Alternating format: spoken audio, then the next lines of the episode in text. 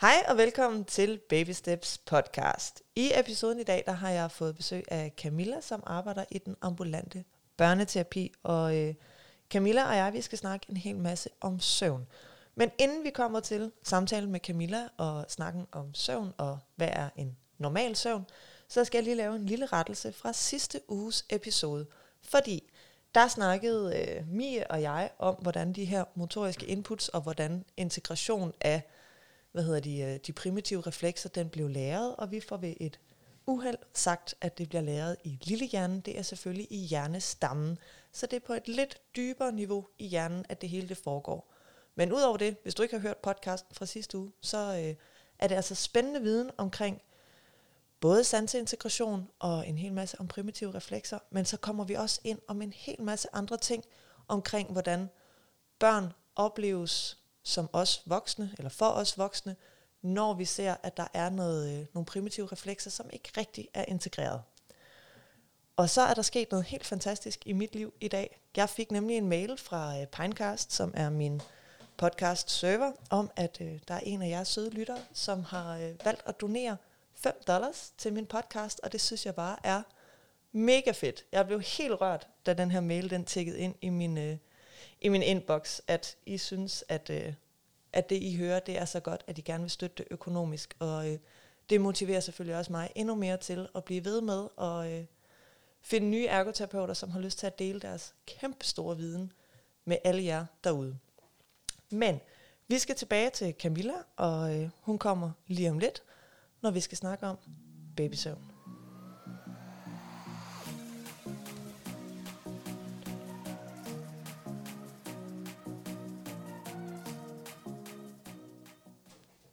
Sådan der.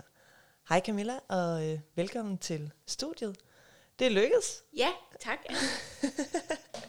det tog lidt tid. Det var lidt svært at få det til at kunne lade sig gøre. Det tog lige et sammenbrud på en motorvej, og ja. Men ja. nu er vi her. Nu er vi her, og nu er vi i gang, og det bliver smadret godt. Vi skal snakke om søvn, og øh, jeg har lavet sådan en lang liste her, som jeg lige finder frem, så jeg også lige kan se mine noter til, hvad er det egentlig, vi skal snakke om. Ja. Men jeg tænker, at vi snakker om, øh, eller starter med at snakke om, hvad er normal søvn? Det synes jeg er et godt udgangspunkt. Og det kan være, at vi lige skal sige, eller jeg lige skal sige, at hvis jeg lyder lidt for puset nogle gange, så er det fordi, at jeg kunne finde på at føde hver dag, det skulle være. Ja. Og der bliver jeg bare nogle gange sådan lidt åndenødsagtig. Ja, og man kan sige, at mange af jer, som lytter med i podcasten her, I har selv været der, og I har fundet podcasten, fordi I selv har små børn, ja. så I kan relatere. Så, øh. så det er bare det. Øhm, og vi snakkede lidt om det her med at tale om noget søvn i dag. Øhm, ja. Og det er jo sindssygt svært at definere, hvad der er normal søvn, fordi normalen er jo et virkelig vidt begreb. Men hvis vi snakker om først at snakke noget om det her med om babyer, og så senere hen snakke lidt om de større børn, så er der selvfølgelig nogle fællestræk. Men som udgangspunkt, så øhm, kan man sige, at søvn er, er øh, passet ind i nogle faser. Og øh, en almindelig søvncyklus, den består af fire faser. Den første fase, det er sådan der, hvor man begynder at falde hen, og øjnene lukker sig. Hvis man kan se, hvis det for eksempel er en baby eller et lidt større barn, så kan man se det her med, de begynder at blinke mere, de er sådan ikke helt kontaktbare. Det er sådan den første stadie. Så i det andet stadie, der begynder hjernebølgerne at gå lidt langsommere, men det er stadig sådan rimelig let søvn, kan man sige, øh, man befinder sig i. Og så går man i tredje stadie, som er det, der er sådan den dybe søvn. Øh, det kender vi også for os selv. Hvis vi bliver vækket, mens vi er i den dybe søvn, så kan det være enormt svært at vågne. Og med små børn er det også tit der, man kan lave en transfer, uden at vække dem, hvis man lige rammer dem i det stadie. Og så går man til det sidste stadie i en søvncyklus, som er REM-søvn, som er også det, man kalder drømmesøvn. Og der er sådan nogle øjenbevægelser inden under øjenlågene. Ja, REM det står for Rapid Eye Movement. Ja. Øhm, og små børns søvn, den består næsten 50% af REM-søvn, hvor okay. voksnes, det kan ikke huske, men det er væsentligt mindre. Mm. Øhm, og et lille barns søvncyklus øh, er på sådan 30-40 minutter, hvor en voksen er på halvanden til to timer. Så der er også kæmpe stor forskel på, hvor lang søvncyklusen er hos mm. børn og voksne. Og så på sådan en, øh, en lur eller en nat, så skal man jo gerne gå igennem en del. Som voksen skal man nå de der 5-6 stykker, så er man måske veludvilet om morgenen. Og på de sidste stadier, der har man meget mere remsøvn, end man har i de første gange, man kører en cyklus igennem. Mm. Men med en lille baby, der er det det her med, at de kører den igennem på 30-40 minutter. Og man kan tit have en fornemmelse af, at ens barn vågner efter 33 minutter. Ja. Så er det deres søvncyklus. Så er de nået en igennem, fordi der er en stor risiko eller mulighed for, at man lige vågner op imellem søvncykluserne. Så det er det, man tit oplever. Nogle børn har ikke brug for hjælp til at komme videre, og nogle vågner op ved bevidsthed og enten klar til ikke at sove længere, Mm. eller skal have hjælp til det, og kan måske ikke komme videre til næste søvncyklus, Ja. hvis det giver mening. Og det er jo tit der, man i mødergrupperne, altså hvor man hele tiden kommer til at sammenligne, Ej, dit barn sover halvanden time, mm. Mm. eller mit barn sover kun 40 minutter ad gangen. Og det er jo fordi, at mit barn kun tager en enkelt cyklus, og enten er klar, eller lige skal have lidt ekstra hjælp for at komme videre, hvor det andet barn helt automatisk bare går videre i næste søvncyklus. Præcis, så Og- det, det barn kan sagtens ligge nede i barnevognen, eller være i slyngen, og faktisk vågne lidt op, men så vender de sig om og tager en søvncyklus mere. Mm. Så de kan netop tage 3-4 cykluser i træk, og så bliver det sådan en to timers lur. Øhm, og så har jeg da også rigtig mange børn, som i en lang periode, eller en kort periode, eller en gang imellem, kun tager den der enkelte cyklus, Mm. hvor man som forældre kan være sindssygt frustreret, hvis man har mange dage, at de tager to eller tre gange en cyklus. Jo. Ja. Det vender man så også til, ikke? Jo. Altså, men, men lige så meget med det her med, at begge dele er normalt. Præcis. og begge dele kan give børn, som er veludvilet og klar til at komme op, sådan så at man også som, som mor eller som forældre ligesom kan, kan finde ro i, at selvom ens barn måske kun sover en enkelt cyklus, så er det altså ikke fordi, at de ikke får den søvn, de har brug for. Nej, i hvert fald ikke nødvendigvis. At det kan være ret vigtigt at skelne imellem, øhm, når man står som den voksne og har et barn, der kun tager en cyklus. Så kan, kan man jo kigge på barnet bagefter og have en fornemmelse af, at det var, du er slet ikke veludvilet. Mm. Du er enormt grumpy stadig, eller du kan slet ikke være. Øh, og så var det formentlig ikke nok, den baby fik at sove, men der kan også godt nogle gange være sådan lidt et misforhold mellem, at man som voksen havde enormt meget behov for, at barnet tog tre cykluser, fordi vi har også brug for nogle pauser, eller at, at vi kan komme til at putte vores frustrationer ned på barnet, og netop være sådan, det var slet ikke nok, nej, nej, nej, nej, nej, du har sovet 35 minutter, jeg nåede ingenting, vi Mm. får en forfærdelig eftermiddag, det er ikke nødvendigvis sådan, det bliver, men man må gerne være frustreret som den voksne, det behøver bare ikke at betyde bekymring for barnet, Nej. nødvendigvis. Ja. Så det er normalt, men hårdt. Det er rigtig hårdt at have de her børn, som ikke vil sove de her lange stræk. Altså det tror jeg, vi alle sammen kan relatere til, og, øh, og synes, at det er sindssygt hårdt, at man ikke lige når bare at få siddet et øjeblik, fordi med sådan en kort søvncyklus, før man får stillet barnevognen og kommer af med tøjet og indenfor og ned og sidde og får lavet sin kaffe og får tændt fjernsynet, så er der også gået en halv time. Og måske man endda brugte de første to stadier af den søvncyklus på at hjælpe barnet godt i gang. Så Mm. man faktisk stod og vippede dem, eller rokkede dem ind til man var ved den dybe søvn. Ja. Så kunne man gå, og så er der jo faktisk kun 20 minutter tilbage måske. Øhm. Men samtidig er det også vigtigt at sige det her med, at hvis barnet har oplevet alt for meget, hvis deres nervesystem er lidt overstimuleret, så de er en lille smule stresset eller lidt alert, det her alarmberedskab, så kan det også være, at de simpelthen kun kan tage en cyklus, fordi så vågner de op, og så, er de sådan, så skal de være på igen. Så på den måde kan man sige, at det er normalt, men det kan også være netop et signal om, der sker lidt for meget, du er faktisk overstimuleret. Mm. Øhm, og det kan også være, at det nogle gange er, at man oplever det, at derhjemme kan det godt være, at der tit er en rigtig god lur. Så når det er ude, og der er nogle andre indtryk, så bliver det den der en cyklus lur.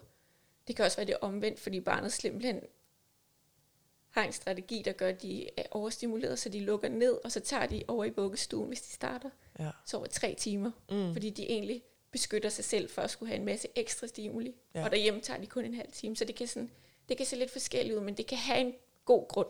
Ja, og, altså, og det er jo også noget af det, jeg hører rigtig tit. At der er jo rigtig mange, når de har været til babysvømning, som har fået den der, så er de bare klar til at skulle ud og sove, og så kan vi gå på café, og de sover i tre timer, fordi det gjorde alle de andre baby, og det har jeg læst på internettet. Og så kommer de tilbage næste gang og bare sådan lidt, han sov 20 minutter. Præcis. Der har været en masse stimuli, som helt sikkert har givet det nervesystem noget. Øh, og det kan nemlig resultere i, at den der muskelledsansen proprioceptive, at det er blevet kørt rigtig godt igennem, og de tager en fire søvncykluser, men der kan også være sket så meget, at de skal have lov at bearbejde det. Ja. Så lige der blev det kun en søvncyklus, hvor at det kan være lidt misforstået det her med, når bedsteforældre eller alle mulige andre siger, han sover rigtig godt i nat, var, hvis de har lavet det ene eller det andet helt vildt voldsomt lang tid. Lige præcis. Vi har i hvert fald et barn, som når han oplever for meget, så sover han ikke særlig godt. Nej. Altså, så vågner han flere gange om natten, og han er ked af det, og han er ulykkelig, og, og han kan slet ikke selv i sin krop finde roen, og han er næsten to, ikke? Altså, og sådan har han altid været. Hvorimod har der været en rolig dag og rolige omgivelser, og han ikke er blevet overstimuleret, jamen så sover han faktisk mega lækkert. Præcis, ja, man kan sige, sådan en overstimulering, som jo sker for os alle sammen en gang imellem, og fordi vores nervesystemer er forskellige, så er det ekstremt forskelligt også, hvornår man når grænsen af Mm. overstimulering. Det kan både være, hvornår på dagen, hvornår i ens liv, altså, men, men der vil en overstimulering rigtig ofte føre til, at det enten er svært at falde i søvn om aftenen, eller at søvnen er påvirket. Mm. Så det er sådan en helt typisk ting. Og man kan sige generelt grundlæggende for vores trivsel som mennesker, så har vi nogle basale behov, der ligesom skal være på plads. Og der er søvn en af de basale behov. Mm. Der er det her med søvn. Vi skal også have noget næring. Mm. Og så skal vi ikke have det alt for koldt eller alt for varmt, for det er ligesom sådan nogle overlevelses Strategier. ja, principper, kan man Ja. sige. Så søvn er jo enormt, altså vi, vi dør uden søvn, så det er jo ekstremt vigtigt. Men normalen er, som vi snakkede om, eller det her spørgsmål med, hvad normal søvn er, et vidt begreb. Og Ja. hvis vi snakker de 0-2-årige, så kan man jo finde enormt mange på nettet, der står, at dit barn skal sove 18 timer i døgnet, 15 timer. Altså det, man kan finde mange timetal, men det kan være enormt svært at definere, hvad er det timetal, dit barn skal sove. Du bliver nødt til faktisk at kigge på noget helt andet, og det er nogle andre trivselsparametre. Mm. Så hvis du har et barn, der er, du har god kontakt med, du har et barn, der vokser, du har et barn, der udvikler sig rent motorisk, så tyder alt på, at de får nok søvn. Hvor man kan nogle gange møde nogle forældre, der, jeg har i hvert fald mødt forældre, der siger, han kan jo ikke blive normal. Altså, det er jo ikke normalt det her. Han kan jo ikke udvikle sig. Han sover slet ikke. Ja. Øhm, Eller han sover hele tiden. ja, så det her med, lad os lige ikke kigge på søvnen, hvis vi er bekymrede for, om vores barn trives. Mm. Selvfølgelig er det et parametre, at er de overstimuleret, skal vi kigge på det. Men hvis selve bekymringen er de her opvågninger, så må vi kigge på, når han er medmotorisk. Hun har god kontakt. Hun, altså, de andre ting kører. Det er en indikator for, at det 0-2-årige barn får nok søvn. Ja. Barnet græder ikke hele tiden. Barnet er interesseret i at opsøge stimuli, opsøge lege, engagere sig generelt i sociale relationer, enten med forældre eller med andre børn, andre mennesker. Hvis, hvis barnet har overskud til det, så er det højst sandsynligt, fordi barnet får den søvn, det har brug for. Så er præcis. Ja. Og så kan det være enormt frustrerende og enormt hårdt for ens selv og ens eget nervesystem at have de børn, der måske har 5-6 opvågninger hver nat Mm. og tager to korte lurer om dagen, fordi at man er så meget på. Ja. Øhm, men der er det også vigtigt at skelne imellem, er det mit barns trivsel, eller er det hele familiens trivsel? Og det er helt okay og helt fair, at hele familiens trivsel er påvirket, Mm. når søvnen er udfordret. Ja. Og det kan jo også være netop en udfordring at skulle hjælpe barnet igennem søvncykluserne. Og der kan det nogle gange give rigtig god mening, hvis man også har den der fornemmelse af, at mit barn sover slet ikke. Så lave sådan en søvndagbog, og egentlig hele tiden notere over en uge, Mm. hvor mange minutter sover mit barn, og så tælle, fordi så er det i hvert fald tit sådan, hvis man har et barn på 8 måneder for eksempel, at når man så har lavet den her dagbog, så kan man egentlig godt se, at de sover faktisk 14 timer i døgnet. Øhm, de har bare rigtig mange opvågninger ind imellem, men Ja. dem tæller man fra. Så hvis man har brug for lige at have den der ro og tryghed af, når okay, hun sover faktisk øh, ret meget, altså hun sover i hvert fald en del timer, ja. om end jeg skal hjælpe hende rigtig meget undervejs. At det kan tage stressen af. I hvert fald den der bekymring for, at Ja. man tænker, ja, så hvordan skal det gå? Ja, lige præcis. Der var den der øhm, øh, serie på DR, tror jeg, i, i Danmark er født, tror jeg den hed. Ja.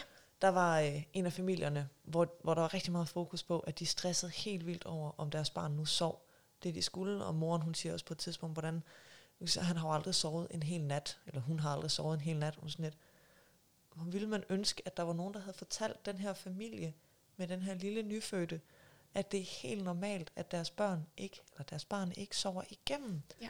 Og så kunne være i den ro, i stedet for, at man kunne se, hvordan det stressede dem så helt afsindigt meget, i hvert fald sådan, som det blev portrætteret i serien, med forskellige remedier, sådan så at de kunne få barnet til at sove og sove og sove og sove, fordi de havde fået indtryk af, at for at hun kunne få en god udvikling, Ja. så skulle hun sove he- altså x antal timer. Jamen, ikke? man kan næsten bekymre sig 10 år på forskud. Ja. Og tænke, nej, det går næsten ikke det her. Øhm, og en, vi kan også lige snakke om det her med en typisk ting, som os, der er forældre, jo også finder ud af. Det er, at noget af det, der fungerer godt med babyerne, det er ligesom at bounce dem. Ja. Øhm, så jeg tænker, mange af os har prøvet at sidde på den der pilatesbold og hoppe op og ned. Ja. Mange af os har øh, stået med en slynge på og stået og hoppet op og ned. Jeg delte Rigtig en, mange øh, af os har investeret i slyngevuggen.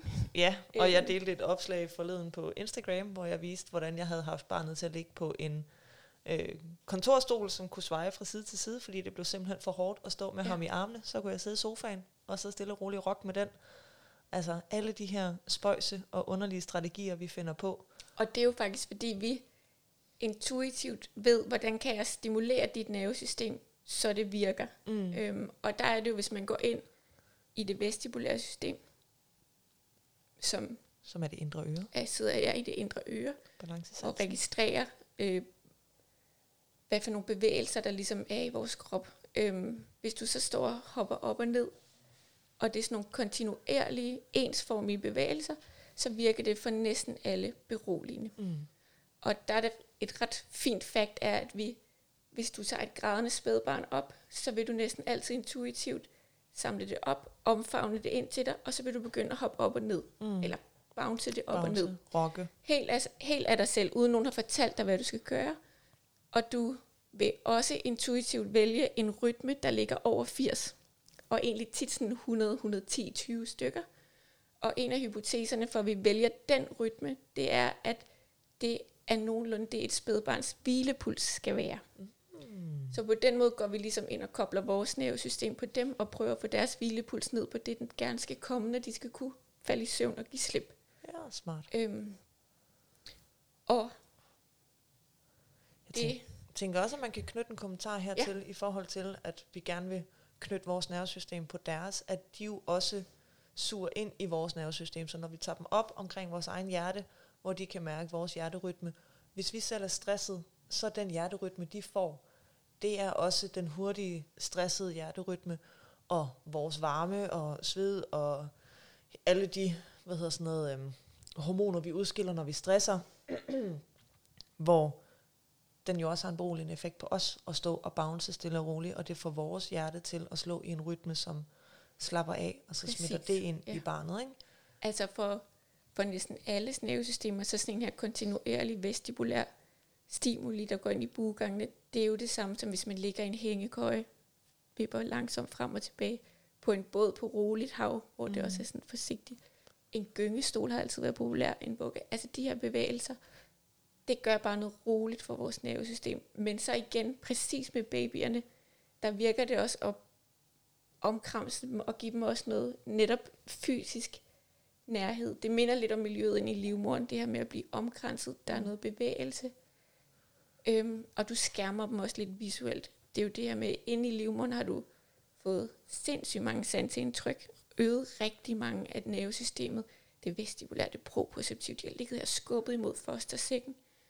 Øhm, men der har næsten ikke været nogen visuelle stimuli. Så det er sådan, den visuelle sans bliver enormt stimuleret, når man kommer ud, og det er også noget af det, baby jo arbejder sindssygt meget på de første måneder. Det er øjenmotorikken, og at kunne lære at styre det. Mm. Men der er også ekstremt mange stimuli. Så når vi skærmer dem i en slynge ind mod vores krop, alt det, så hjælper det dem også til at kunne give slip. Mm. Øhm, så i min optik er det i hvert fald overhovedet ikke en dårlig vane at vugge eller give sit barn rytme. Nej. for at kunne komme videre i søvnen, eller kunne komme til søvnen. Nej, og der sker også tit det helt naturligt, når barnet bliver større, udover at de selvfølgelig bliver for tunge til, at man kan gøre det, men at de heller ikke har det samme behov Nej. for at få hjælpen til at berolige deres eget nervesystem. Og det har jo også noget at gøre med, at 10.000 gentagelser, så har vi indlært det, så er det blevet en vane, og det samme gælder jo reelt set også for vores sansebearbejdning. Mm. Så når børnene har prøvet noget 10.000 gange, fået det samme visuelle indtryk 10.000 gange, så har vores, eller barnets eller vores hjerne lært at behandle det, og kan konstatere lynhurtigt, at det her skrald, eller er det noget, jeg skal tage stilling til. Præcis. Og sådan en kontinuerlig rytme der, man ligesom går ind og giver barnets nervesystem, det giver også et rigtig godt grundlag for nogle af de næste udviklingstrin, man skal igennem. Øhm, der er jo sindssygt mange ting i vores liv, der er betinget af en fast rytme. Mm. Øhm, man skal lære at krybe fremad i en fast rytme, for at det ligesom fungerer optimalt. Vi skal, når vi begynder at gå, så går vi i en fast rytme. Vi kravler i den her faste krydsrytme. Det sprog, vi taler, har en fast rytme. Vi skal lære at tale i. Man Når vi tykker skal- i en fast rytme. Ja, når vi skal lære at læse, så skal vores øjne bevæge sig i en fast rytme. Der er så mange ting, der er grundlagt med rytme. Mm. Så at vugge dit barn i en fast rytme, det virker for de fleste, og det giver rigtig god mening. Så hvis man sidder med en bekymring for, at det er en dårlig vane, skulle jeg lade være, og der er nogen andre, der siger til dig, øh, de skal lære at sove stille, det der, det er for dumt, det kan du, altså, så vil jeg bare sige, min mening er, at det kan du med ro gøre, og faktisk vide, at du gør dit barns nervesystem en tjeneste. Mm. Hele tiden. Men det skal også fungere for familien selvfølgelig, så hvis det ikke fungerer hjemme hos jer, og I ikke kan få fat i sådan en af de der vuggemotorer, eller et eller andet, eller en slynge, der sidder perfekt på dig, så du selv lige kan hoppe, så skal I selvfølgelig finde en anden måde. Men hvis bekymringen for at vugge barnet er det en dårlig vane, så vil jeg mene, at den bekymring kan man godt lægge fra sig. Ja, det tænker jeg også umiddelbart.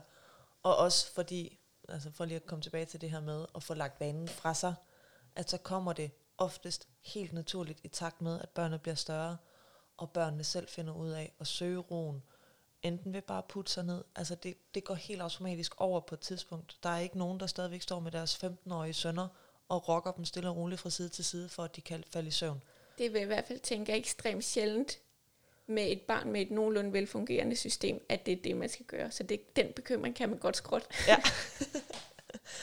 og så er vi jo, vi- vi kan også i forhold til det her med familiens trivsel, og fungerer det for jeres familie, lige snakke lidt ind i, øhm, i den podcast episode, jeg lavede med Når morrollen gør ondt, hvor øh, Mie, min tidligere medstuderende, var på besøg, hvor ikke at fordi at barnet ikke kan sove, at det så udløser en fødselsdepression eller en efterfødselsreaktion.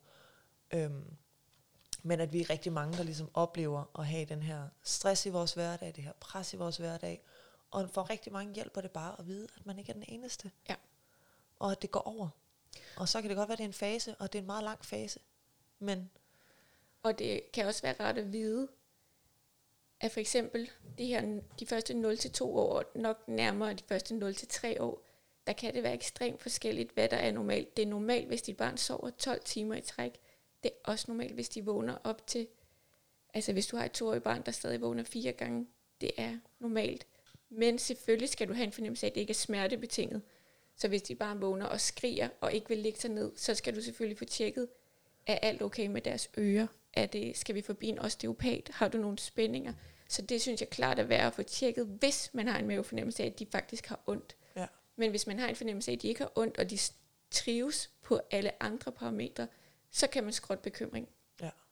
Og det er også sådan, at de søvnambulatorier, der findes på hospitalerne, de vil som udgangspunkt ikke tage børn ind, før de er over to år. Så skal det være i, i ekstreme tilfælde. Øhm, så det kan også være rart at vide det her med, at det er simpelthen så flyvsk, at man ikke kan definere det, så derfor er det også lidt en myte, at der er mange, der har den der, nu er de blevet et år, så skal de sove hele natten. ja. Øhm, ja, og så er der også hele diskussionen omkring det her med natflasker og natamning. Og igen, der skal man gøre det, der fungerer derhjemme og føles rigtigt for en selv. Mm. Fordi der er ikke noget øh, entydig forskning på, hvad der fungerer og hvad der ikke fungerer.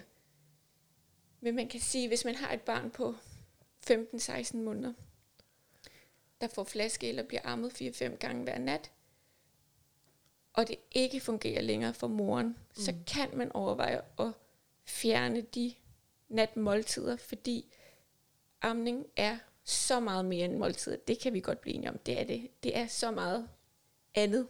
Det, Men det er ja. også måltider. Mm. Øh, så vi har det her indre ur, indre biologiske ur, der er styret af hormoner. Og det er så fint, at der faktisk er mere melatonin, som er sådan en sovehormon, i mælken, når vi ammer om natten, som jo giver sindssygt god mening. Men samtidig er der også nogen, der mener, at det kan gå ind og påvirke, hvor meget melatonin du kan producere, hvis du spiser i løbet af natten. Mm. Så det er også derfor, man for eksempel tit anbefaler voksne med et netarbejde, ikke at spise for meget om natten, hvis det giver mening. Ja. Øh, men det vil jeg aldrig nogensinde tænke, man skulle sige til et barn på 8 måneder, stop med at give dem natmåltider overhovedet. Det, det er der ikke noget bevis for at skulle hjælpe. Nej. Men ja, har du et barn, der er langt over et år og spiser okay om dagen, øh, og det slet ikke fungerer for mor og amme, så kan man overveje, om det kan have en effekt på, om barnet kan nå ned i, kan få så meget melatonin, at de kan nå ned og sove endnu længere, hvis mm. det giver mening. Ja. Men igen, kun hvis det er, det ikke fungerer for mor. Ellers er det jo også en super måde at komme videre til næste søvncyklus på. Ja. Altså hos os, der var det til sidst ren hyggeamning, tryghed, der foregik om natten. Øhm, og det kunne vi jo især se, da vi ligesom tog natamningen væk. Øh, og vi lavede den ved, at vi, byttede side. Vi samsover stadigvæk. Ja. Øhm, men at min kæreste og jeg byttede side, så det var ham, der lå tættest på, sådan så at Floke ikke bare lige kunne rulle over, og så ligesom ligge og trække i mig. Han kunne ikke helt lugte mig på samme måde. Og så havde vi en flaske, som han kunne, kunne få i stedet for. Og vi har ret hurtigt gået over til sådan en ganske almindelig sports øh, vandflaske med sådan en, en tud på, som han så fik, og fik vand i stedet for. Og det synes han ikke var så fedt til sidst, så lagde han sig egentlig bare til at sove, og så i løbet af 14 dage, så sov han faktisk igennem om natten. Ja. Og det virkede jo for os, og bare fordi, at vi lige lykkedes med at køre det på den måde, uden skrig og skrål og noget som helst, så er det jo ikke betydende med, at det virker for andre børn. Nej, og der er, jo, der er jo netop så meget modsatrettet forskning, at du kan på ingen måde sige, at det er det, du skal gøre. Øhm. Men, men man kan overveje netop, hvis man har et barn på de her halvandet år, der vågner rigtig, rigtig mange gange, og efterspørger et måltid, og man kan fjerne nogle af dem, mm. men med tryghed. Og hvis det fungerer at amme fire gange den nat, så skal man bare fortsætte. Ellers så har jeg i hvert fald ikke nogen holdning til det, men det er netop hele den her. Hvad fungerer for familien? Ja. Hvad kan I alle sammen trives i? Ikke? Jo, og det er meget mere næring, men det er også næring. Så, så for at det her indre biologiske ur, der er styret enormt meget af hormoner, også gerne skal rette sig lidt ind til en døgnrytme, så, så er det netop det her med, hvor mange natmåltider er der, når man har nået halvandet årsalderen. Ja. ja. Spændende. Og hvad er konsekvenser så hvis barnet nu har en dårlig søvn. Nu har vi snakket en hel masse om trivsel, og at vi skal kigge på alle de andre parametre. Men hvis nu, at barnet ikke trives, hvad er det så ligesom, at vi ser af konsekvenser ved dårlig søvn? Ja, der kan man jo næsten bare tænke på sig selv, øh, når man har sovet dårligt, eller når man har den her småbørnsperiode, hvor man mange af os i hvert fald oplever, at der ikke er særlig meget sammenhængende søvn, at fordi søvn er en af de basale behov, så er det sådan, at når vores basale behov ikke er opfyldt, så falder parametret næsten på alt andet, hvad vi kan tage ind, før vi bliver overstimuleret. Så et eksempel kan være det her med, øhm, at man har sovet en fuld nat, øh, og man får en dejlig, hyggelig omgang morgenmad, og der er stille og roligt, og man går ud af døren, og solen den skinner, og man når ikke sin bus. Så tænker man, så står jeg bare lige her og nyder solen i mit ansigt og venter på den næste. Hvis du har sovet tre en halv time med en masse afbrydelser, du nåede ikke at spise morgenmad, fordi I kom for sent op, du løb hele vejen hen til bussen i regnvejr, og den kører for næsen af dig, så er det måske der, du begynder at græde, eller hvis der er din kæreste ringer og siger, øh, hvorfor har du ikke smurt øh, helens madpakke? Altså råber du måske, ved du hvad, det der, det gider jeg ikke høre på lige. Altså, dit overskud er forsvundet, du bliver overstimuleret. Så der er behov for de her basale behov er dækket. Og det samme kan vi jo se hos børnene, at har vi et barn, der tager, nu snakker vi måske de lidt ældre børn også, men som er 3-4 timer om at blive puttet om aftenen, falder i søvn klokken halv et, men væk ud og ringer altså klokken 6.30, for der skal ud af døren, så skal der ikke så meget til, at det barn bliver overstimuleret i skolen, bliver stresset, så kan det være endnu mere svært at finde ro om aftenen. Så det kan blive sådan en rigtig ond negativ spiral af, at for lidt søvn fører til endnu mindre søvn, fører til endnu mindre overskud og overstimulering, fører til et stresset system. Så helt, helt basic, så kan man sige, en enkelt dårlig nat giver måske en, eller to dårlige nætter giver et barn, som er cranky, som er pyldret, men hvis vi snakker en måned med dårlig søvn, så er vi helt derude, hvor barnet ikke kan tage ny læring ind. De er konstant, I har et nervesystem, som konstant er på overarbejde, fordi det ikke får den ro og den hvile til at resette om natten, så det er klar til at tage nye indtryk ind. Alle de her indtryk som, og ny viden og færdigheder, som skal bearbejdes, får de ikke bearbejdet i søvnen. Så derfor så har vi egentlig lige pludselig et barn, som, som helt generelt måske falder tilbage på sin udviklingskurve, fordi der ikke er plads op i hjernen til at tage ny viden og nye indtryk ind. Præcis. Og det er jo så der, hvor det også gælder at finde ud af, hvad er hønen og hvad er ægget. Så er det fordi, at søvnen er så svær, at dagen bliver dum, eller er det fordi, man har et system, der så hurtigt overstimuleres, at det er svært at give slip og finde ro om aftenen. Mm. Så derfor er det også tit sådan, at nu snakker vi igen nok de lidt ældre børn, et barn på 4-5 plus. Øh, igen, det samme kan gælde for babyer, men det her med, hvis vi så skal lave en intervention, og vi ved, det fungerer rigtig svært med søvnen, så bliver vi nødt til at finde ud af, hvorfor gør det det.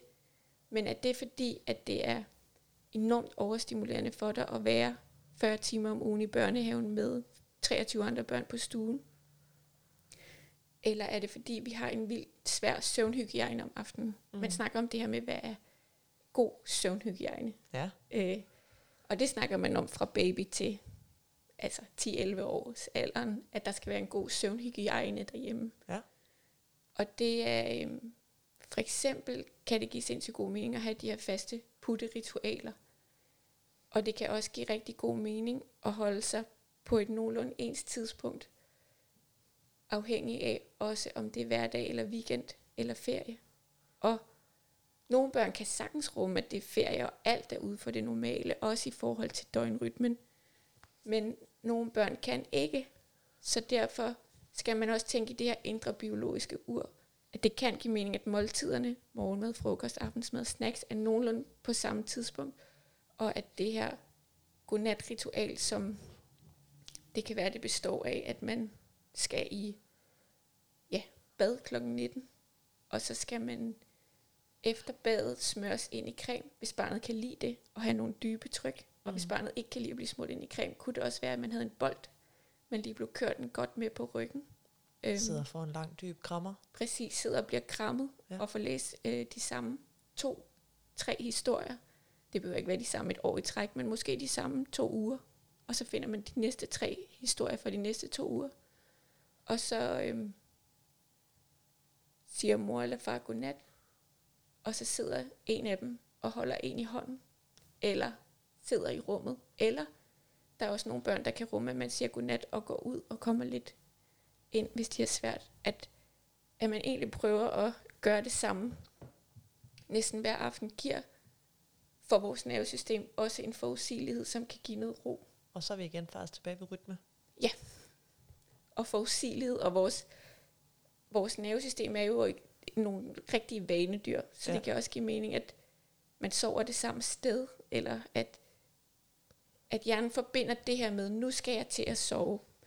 Og igen, så skal man også nogle gange kigge på sit barn, fordi det kan være en masse forskellige grunde, at det er svært at falde i søvn, eller det er svært at blive i søvnen. Så har man et barn, som øh, har enormt svært ved at falde i søvn, altså det her putningen, ja, indsovning. Og igen, der vil jeg sige, at mit datter på tre år, hun tager sådan en halv time til tre kvarter de fleste aftener at putte.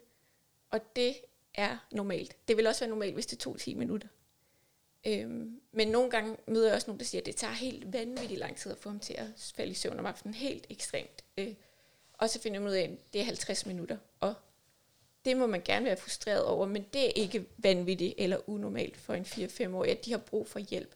Men igen, der kan det give mening at indhøre føre den her gode søvnhygiejne ritual, og se om det kan bringe det hele ned til, at den proces tager 30-35 minutter til, man starter til barnet sover. Mm. Kunne være. Så kan det også være, at man skal tænke rigtig meget i, hvordan man selv er i puttesituationen. Har man et barn, når man siger, nu er det tid til at sove, der bliver ked af det og ikke vil med. Hvorfor er det så, at de ikke ved det? Er det måske fordi, at de ved, at vi bliver presset og frustreret, så det er et frustrerende rum. Mm. Så vi skal tænke meget i det her samregulering. Igen, hvad gør vores nervesystem? Det smitter den andens. Og i samme grad smitter det jo vores nervesystem, når børnene ikke kan finde ro, og de har det svært, og de er irritable, så bliver vi også hurtigere frustrerede og irritable. Så det her med at være bevidst omkring, at det skal være et rart rum at være i, når barnet skal falde i søvn. Ja. Hvis vi siger, nej, ikke mere nu. Jeg vil ikke høre et ord fra dig. Stop. Nu ligger du stille. Det er sidste gang, jeg kommer ind.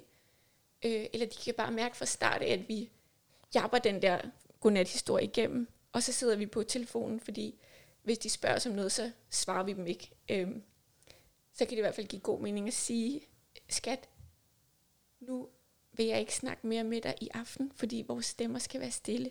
Så jeg hører, hvad du siger, jeg sidder her, men jeg svarer dig ikke. At vi lige logger ind i deres nervesystem, inden vi bare ignorerer dem, eller siger, så stopper du. Ja, øh, dig noget. Ja, fordi så vil barnet ikke forbinde det med noget roligt og rart, og så kan den putning blive endnu længere. Så det er i hvert fald sindssygt vigtigt at tænke over. Og samregulering er jo sådan fancy psykologord for, at vi smitter hinanden med vores følelser. Mm. Og jeg tror, alle kan, kan relatere til, at man ikke har lyst til at være i rummet, når der sidder en torden sky et eller andet sted. Hvis der ikke er rart at være. Ja. Altså, at, at selvom der bare sidder en og, og ikke siger noget, så kan man bare mærke i hele rummet den der frustration eller vrede, som personen bare sådan udstråler, ja. uden at sige noget, uden at have råbt af dig eller noget som helst. Man kan bare mærke det.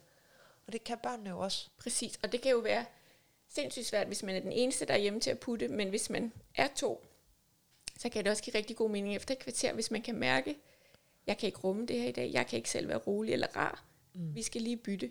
Ja. Øh, at det ikke er en forlidt erklæring overhovedet, og det er ikke, at barnet driver gæk med en. Det er bare sådan, jeg har brug for en bytter, fordi ja. det er ikke rart at være herinde lige nu.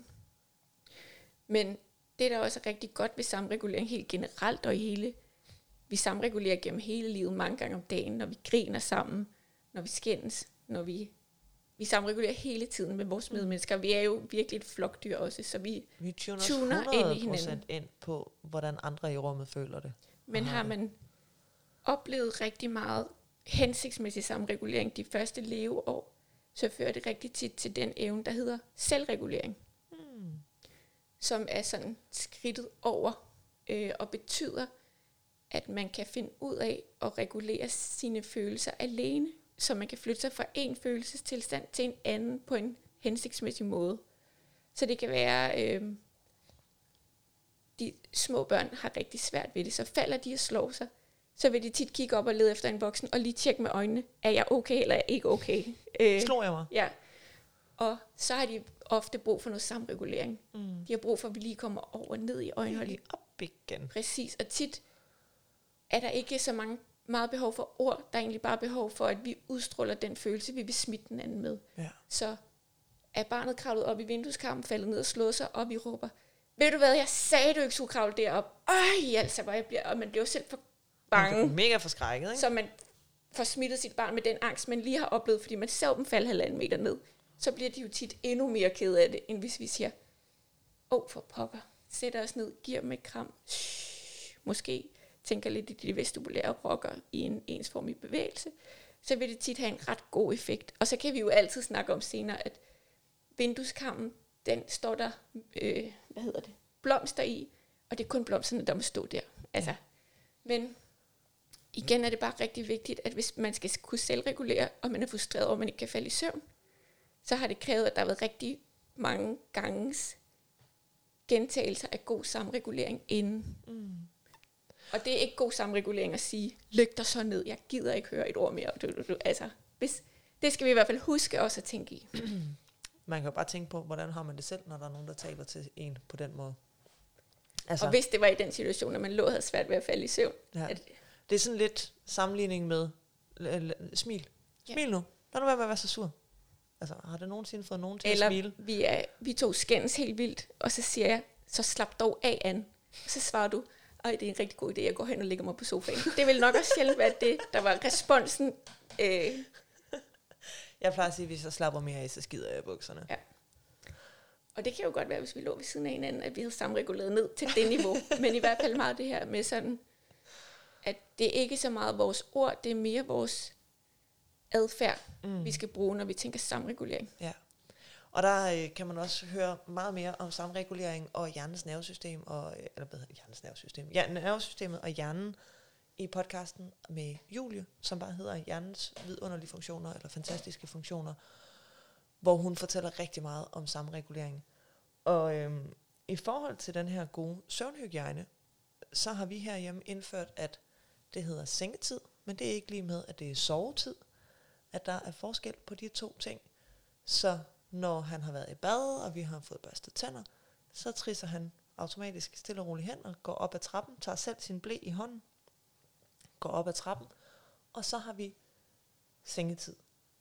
Og der ligger han og får en godnathistorie, og vi sætter lidt klassisk musik på, og vi ligger og hygger, og jeg sidder og læser et eller andet på iPad'en, og så får han faktisk lov til at tulle rundt, indtil han stille og roligt har tullet sig selv derhen, hvor han kan finde ud af at ligge sig ned og sove.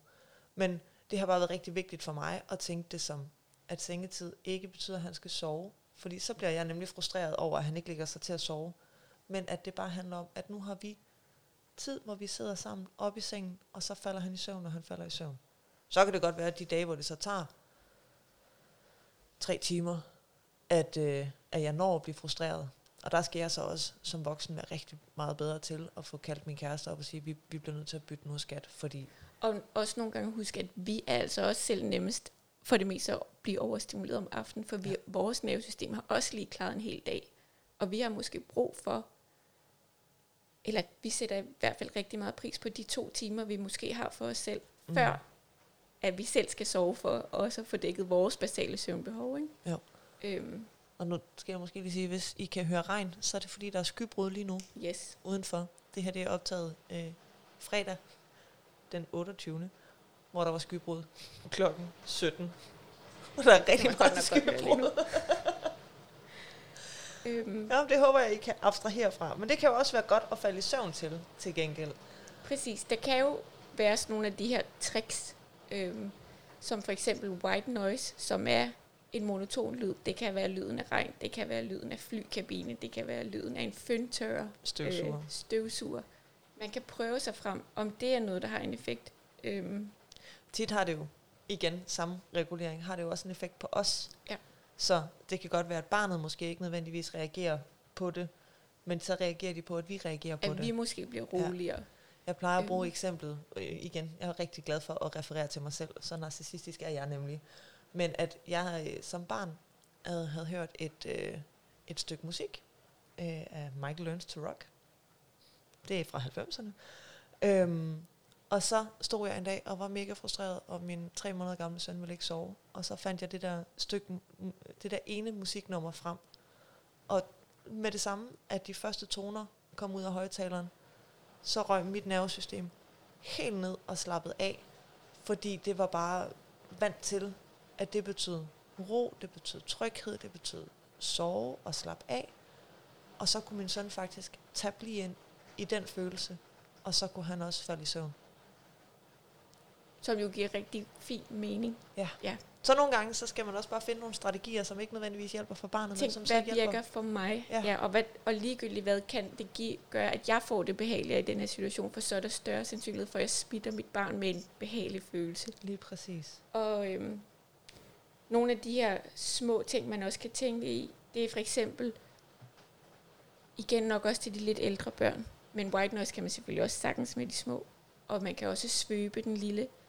Hvis man har et 5, 6, 7-årigt barn, der kan man nogle gange overveje, at man skal prøve at lade dem sove i en sovepose. Så de ikke kan spjætte så meget med Fordi- arme og ben. Og det er især, hvis man har en af de her børn, der er i meget bevægelse under søvnen. Det er der jo også forskel på. Nogle børn har simpelthen den her muskelledsans, den proprioceptive sans, der søger bevægelse, og det gør den også i søvne. Så man kan have sådan et barn, der karter rundt og egentlig sover bedst helt klinet op af en voksens krop, og hvor de næsten prøver at mase sig ind under den, for at få, hvor starter og slutter min krop henne. Mm. Det kan være nemmere så at blive i søvnen. ellers er det nærmest en syren skal ud og mærke sig selv hele tiden. Ja. Så der kan det for eksempel give mening at prøve sådan en sovepose, øhm, hvor at når de så laver bevægelsen, så får de et modtryk fra den. Det kan også give mening at prøve en af de her tunge dyner. Mm. Tunge vattæpper. Ja, øhm, men der synes jeg igen, at før man går ind og giver de her hjælpemidler som en tung dyne, så vil jeg gerne have, at man har kigget på andre omstændigheder, lavet sådan nogle hypoteser for, hvorfor er den her søvn dårlig? Har vi et barn, der egentlig er ret stresset? Eller Ja. har vi en dårlig søvnhygiejne herhjemme? Har, hjælper vi hans eller hendes indre ur godt nok på vej? Før man laver sådan den der quick fix, hvis Ja. det giver mening. Er der noget, vi kan gøre i søvnhygiejnen? Kan vi give nogle af alle de her dybe tryk, Præcis, kan før vi sover, så barnet ligesom er faldet til ro i sit nervesystem? Og en god del af det her søvnritual kunne også sagtens være nogle små asemase lege. Øh, at det kan godt være lidt misforstået, at der skal være helt ro på de to timer op til seng. Det kan øh, sagtens være, at man har, at man ruller den der bold tungt ind, eller laver det, jeg kalder panikalejen, hvor man fx har en yogamåtte, og så spørger man barnet, som er, bliver lagt på, på tværs, så deres hænder og, eller undskyld, deres ansigt er frit, og deres fødder måske også er frit. Hvad skal der i den her pandekage? Skal der sukker? Okay, så laver jeg dybe tryk hele vejen, mens jeg placerer sukkeret. Skal der syltetøj, så laver jeg dybe tryk hele vejen længs ben og arme, og trykker godt ned på dem med det. Og skal der Nutella, så kommer der også lige en masse dybe tryk. Så ruller vi dem stramt ind, men selvfølgelig hovedet er frit. Og så siger jeg, åh, oh, nu spiser jeg lige den her pandekage, så maser jeg ude på yogamotten hele vejen ned. Og så siger jeg, må jeg lige høre, kan du trække vejret helt ned til navlen fire gange? Så trækker vi vejret helt ned til navlen sammen. Og så skal barnet selv rulle sig ud igen. Og sådan en leg kan man sagtens lave op til sengetid. Ja. Min sådan reminder plejer at være, at det her skal være hårdt og hyggeligt, frem for vildt og sjovt. Mm. Så man må gerne grine og have nærvær, men det skal hele tiden primært være hyggeligt, og primært være noget, hvor at enten får man de dybe tryk ind, eller også så har man lige lyst til at spænde i kæberne, fordi det er lidt hårdt. Så sådan, sådan nogle aktiviteter, det kan også være, vi laver nogle gange sådan en bryd ud leg derhjemme, hvor jeg tager og stopper dynen rundt om min datter, og så skal hun ligesom kæmpe sig fri. Så jeg holder rigtig stramt fast, og så skal hun sådan komme derud. Øhm, det kan sagtens være en del af det, især hvis man har de her børn, der har meget motorisk uro, når de skal falde i søvn eller i søvn, så skal vi lige fylde dem op på forhånd. Det kan vores nervesystem nemlig tit have god effekt af. Mm.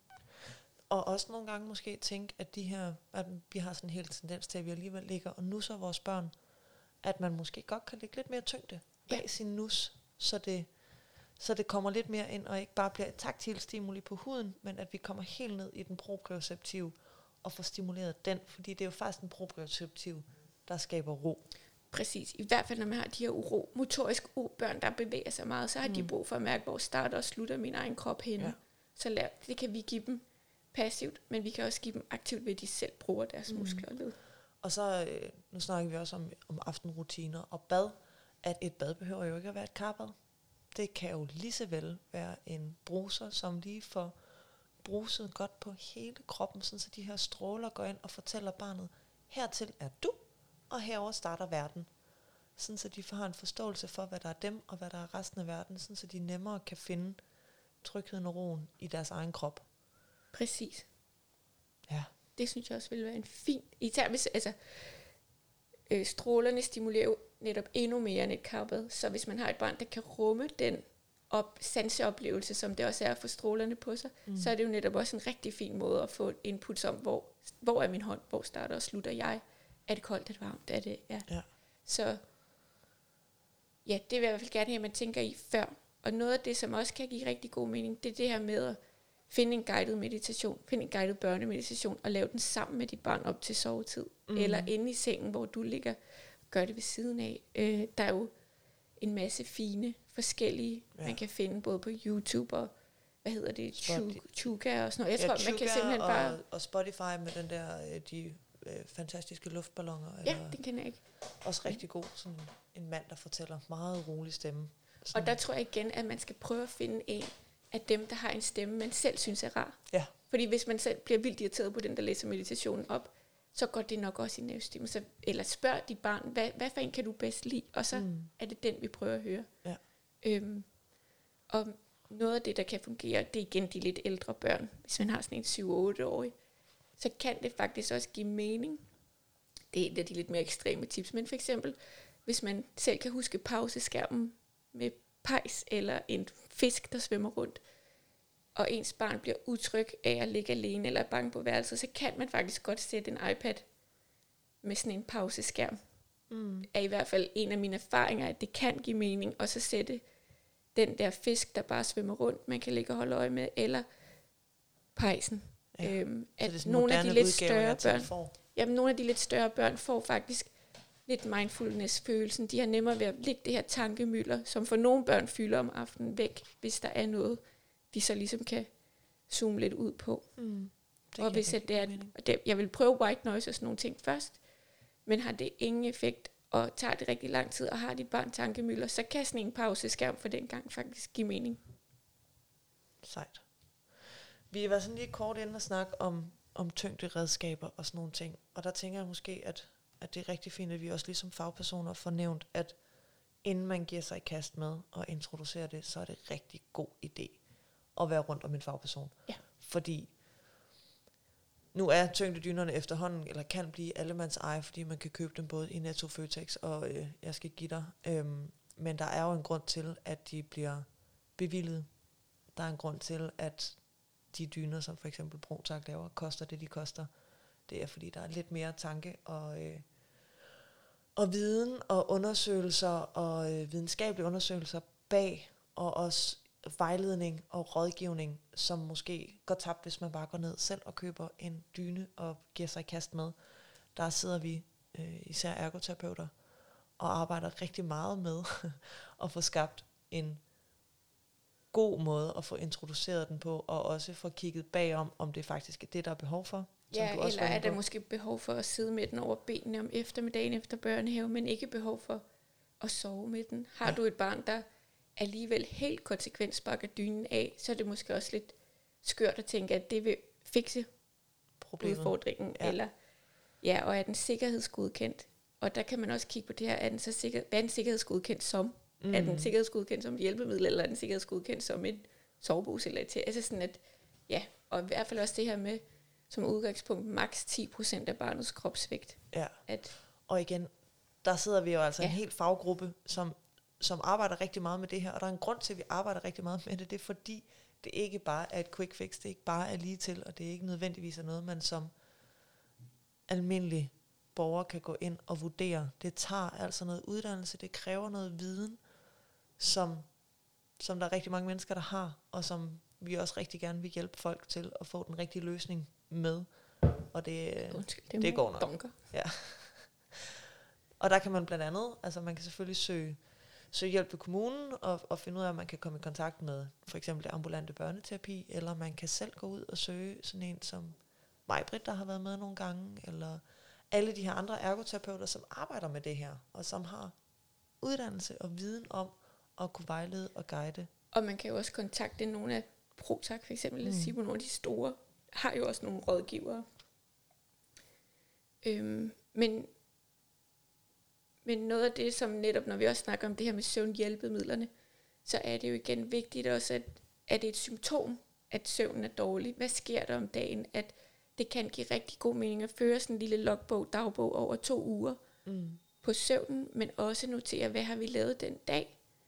Fordi kan man pludselig se et mønster af, at barnet faktisk sover øhm, rimelig godt natten fra søndag til mandag, fra mandag til tirsdag, og tirsdag til onsdag. Men fra onsdag til torsdag, og torsdag til fredag, og fredag til lørdag, er det næsten konsekvent 10 opvågninger. Mm.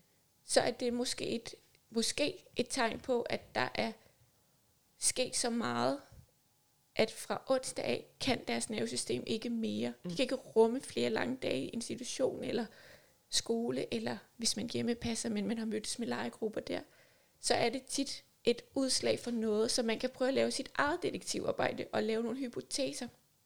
Det kan også være, at barnet øhm, konsekvent tager sindssygt lang tid at falde i søvn lørdag aften, fordi tingene har været ude af rutinen. Ja. Men det kan også være den måde, man finder ud af, hvor skal vi lægge nogle forebyggende pauser. Fordi forebyggende pauser i løbet af en dag kan være det, der gør, at nattesøvnen og putningen bliver god. Mm. Når bæret er flyttet over, så er det for sent. Øh, så en forebyggende pause kan for eksempel være, at for de små børn er det luren tit. Der er en god pause. For sådan en børnehave eller barn, der kan det være, at der er hviletid, hvor de ikke behøver at falde i søvn, men der er en hviletid. Mm. Det kan også være, at når man kommer hjem fra børnehave, så bygger man altid en hule og lytter til en guided børnemeditation derinde. Øh, at det kan også være, at man bruger en halv time på at gå hjem sammen og have nærvær. Øh, det kan være en forebyggende pause at være ude i naturen. Bare tage i græsset. Præcis. En asamase-leg. En asamase-leg kan sagtens være en aktiv pause. Det er det, der kan lyde lidt skørt, tror jeg, i mange, an- mange der ikke arbejder med det ører, men man kan godt have en aktiv pause, som er noget asamase. Ja. Altså noget af det værste pause, man kan give, det er skærm. Der er i hvert fald enormt meget stimuli også i en skærm. Mm. Så det kan godt være, at den giver noget motorisk ro, men der sker rigtig meget neurologisk, når man sidder og kigger på en skærm. Især hvis det er YouTube, og man klikker sig videre hele tiden. Ja. Øhm, så er det i hvert fald, og skærm er ikke forbudt. Det er bare sjældent en rigtig god pause. Mm. Så på den måde skal man nok bare ikke tænke, at pausen er skærmen. Men man må gerne have skærmtid. Og en god guideline for den der skærm, hvad der sidder på, det er måske også det der med, kan jeg selv holde ud at se det?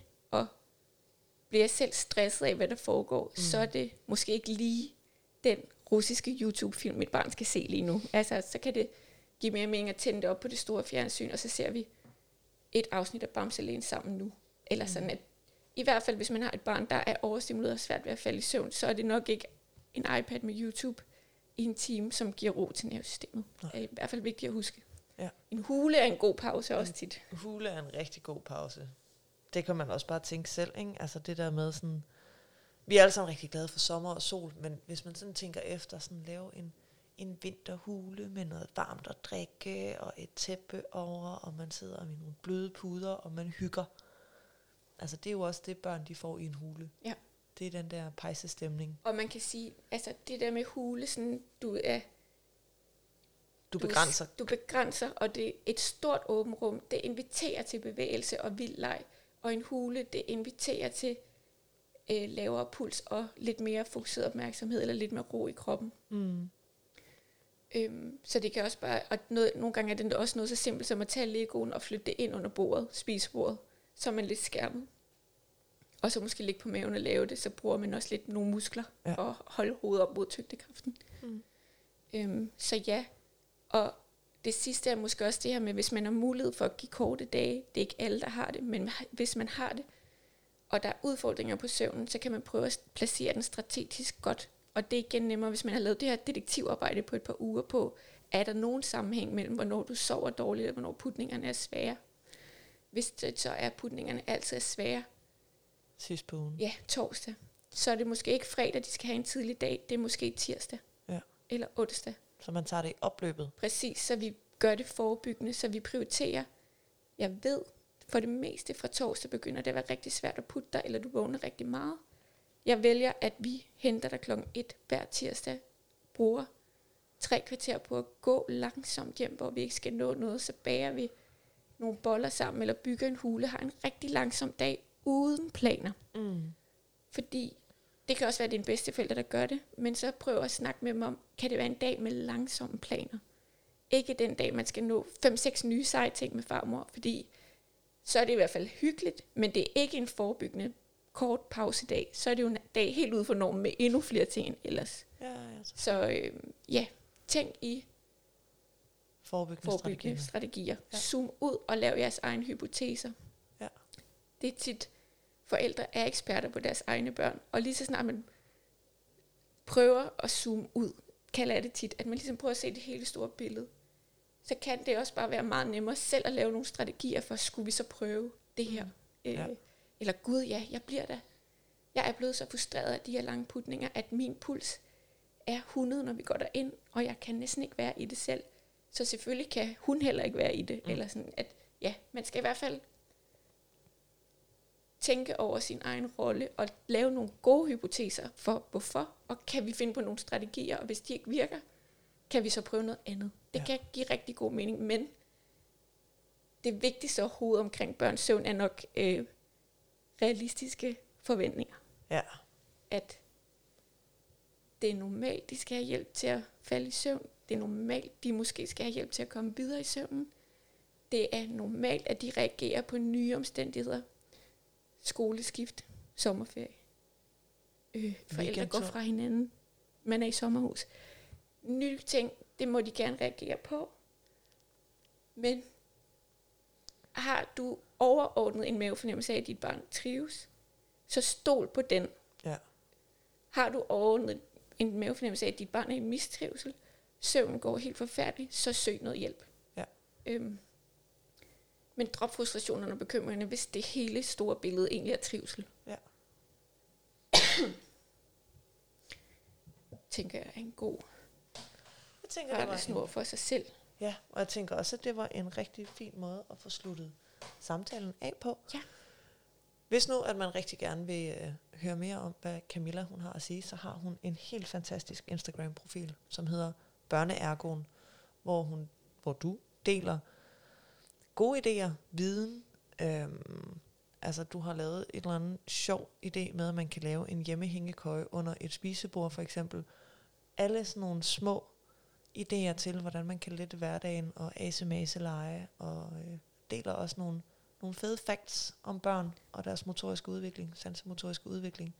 Så jeg synes, at hvis du hører med og ikke har været inde forbi børneergoen, så øh, er det helt klart et kig værd. Tak, Anne. Det er der, jeg hygger mig. Og lige om lidt, så går du på barsel, Yes. og så skal du hygge endnu mere. Så kommer der både lidt forskellige alders og baby. Spam. Ja. Ja. Og jeg tænker, at helt naturligt kommer der sikkert en hel masse babyrelateret, og også om babysøvn, og øh, alle de ting, du oplever med dit eget barn, og sætter noget øh, faglighed bag. Ja. Ja. Og øh, hvis du ikke har været inde forbi Babysteps' Instagram-profil, så kan du også gøre det. Det er babysteps.dk ud i et. Og øh, I er altid velkomne til at øh, stille os spørgsmål. Stil mig spørgsmål. Jeg vil rigtig gerne også, hvis I har nogle spørgsmål, tage dem med i podcasten. Der er øh, flere af jer, der spørger om mange af de samme ting. Og øh, meget af det, som der bliver spurgt om lige nu, det er, hvor fanden skal man gå til babysvømning hen i København? Og jeg ved Hvor der ikke, er plads. ja. hvor der er plads, det ved jeg ikke, fordi alle svømmehaller skal renovere. Og det kan man sige, det er frustrerende, og det er uheldigt, og det er øh, pisseirriterende. Men jeg ved på DGI-byens vegne, at vi glæder os helt sindssygt til at få renoveret vores svømmehal, og vi glæder os endnu mere til at åbne op igen. Og sådan tænker jeg også, at de andre svømmehaller har det. Det er ærgerligt, det falder sammen, men hvis du øh, gerne vil tage afsted alene med din baby, så har jeg lavet noget, der ligner 17 YouTube-videoer om babysvømning, hvor du kan gå ind og få idéer og inspiration til øvelser. Så øh, klik ind Det forbi. skal jeg da i hvert fald lidt. Det lyder da fedt. Ja. Jeg kan godt være lidt idé for land, når man står dernede. Ja, det er nemlig rigtig svært. Sådan lige, hvad var det nu lige? Men så kun om, så holder jeg den her. Men der ligger altså 17 øvelser, og øh, motoriske og for alder tre måneder og op efter, og de er lavet i alder med, at min egen søn, han blev større og kunne øh, køre igennem. Så de ligger i rækkefølge. Fedt. Ja. Jeg sidder faktisk lige og tænker, at jeg glemte at sige en vigtig ting Ja. dengang i starten, da vi gennemgik babyens søvncyklus, at et lille hack, der kan give rigtig god mening, er jo det her med, har du sporet, at dit eget barn tager 34 minutter, så sætter du lige et ur, når der er gået 29, og så går du ned og vugger videre, og ser, om du lige kan hjælpe dem igennem til den næste. Det er et smart hack. Ja, det har været smart, jeg havde sagt det der. Ja. Men nu kommer det til sidst. Over and out. Og det er derfor, man skal høre alle podcasts til ende, fordi ellers så misser man guldkornene. Ja. Det var alt, hvad vi havde øh, med til jer for i dag. Jeg håber, at I vil høre med igen i næste uge. Det bliver forhåbentlig lige så spændende. Næste uge, der skal jeg en tur til Jylland og øh, snakke om de allerældste børn, som vi kender. Det er nemlig dem med demens. Stærkt.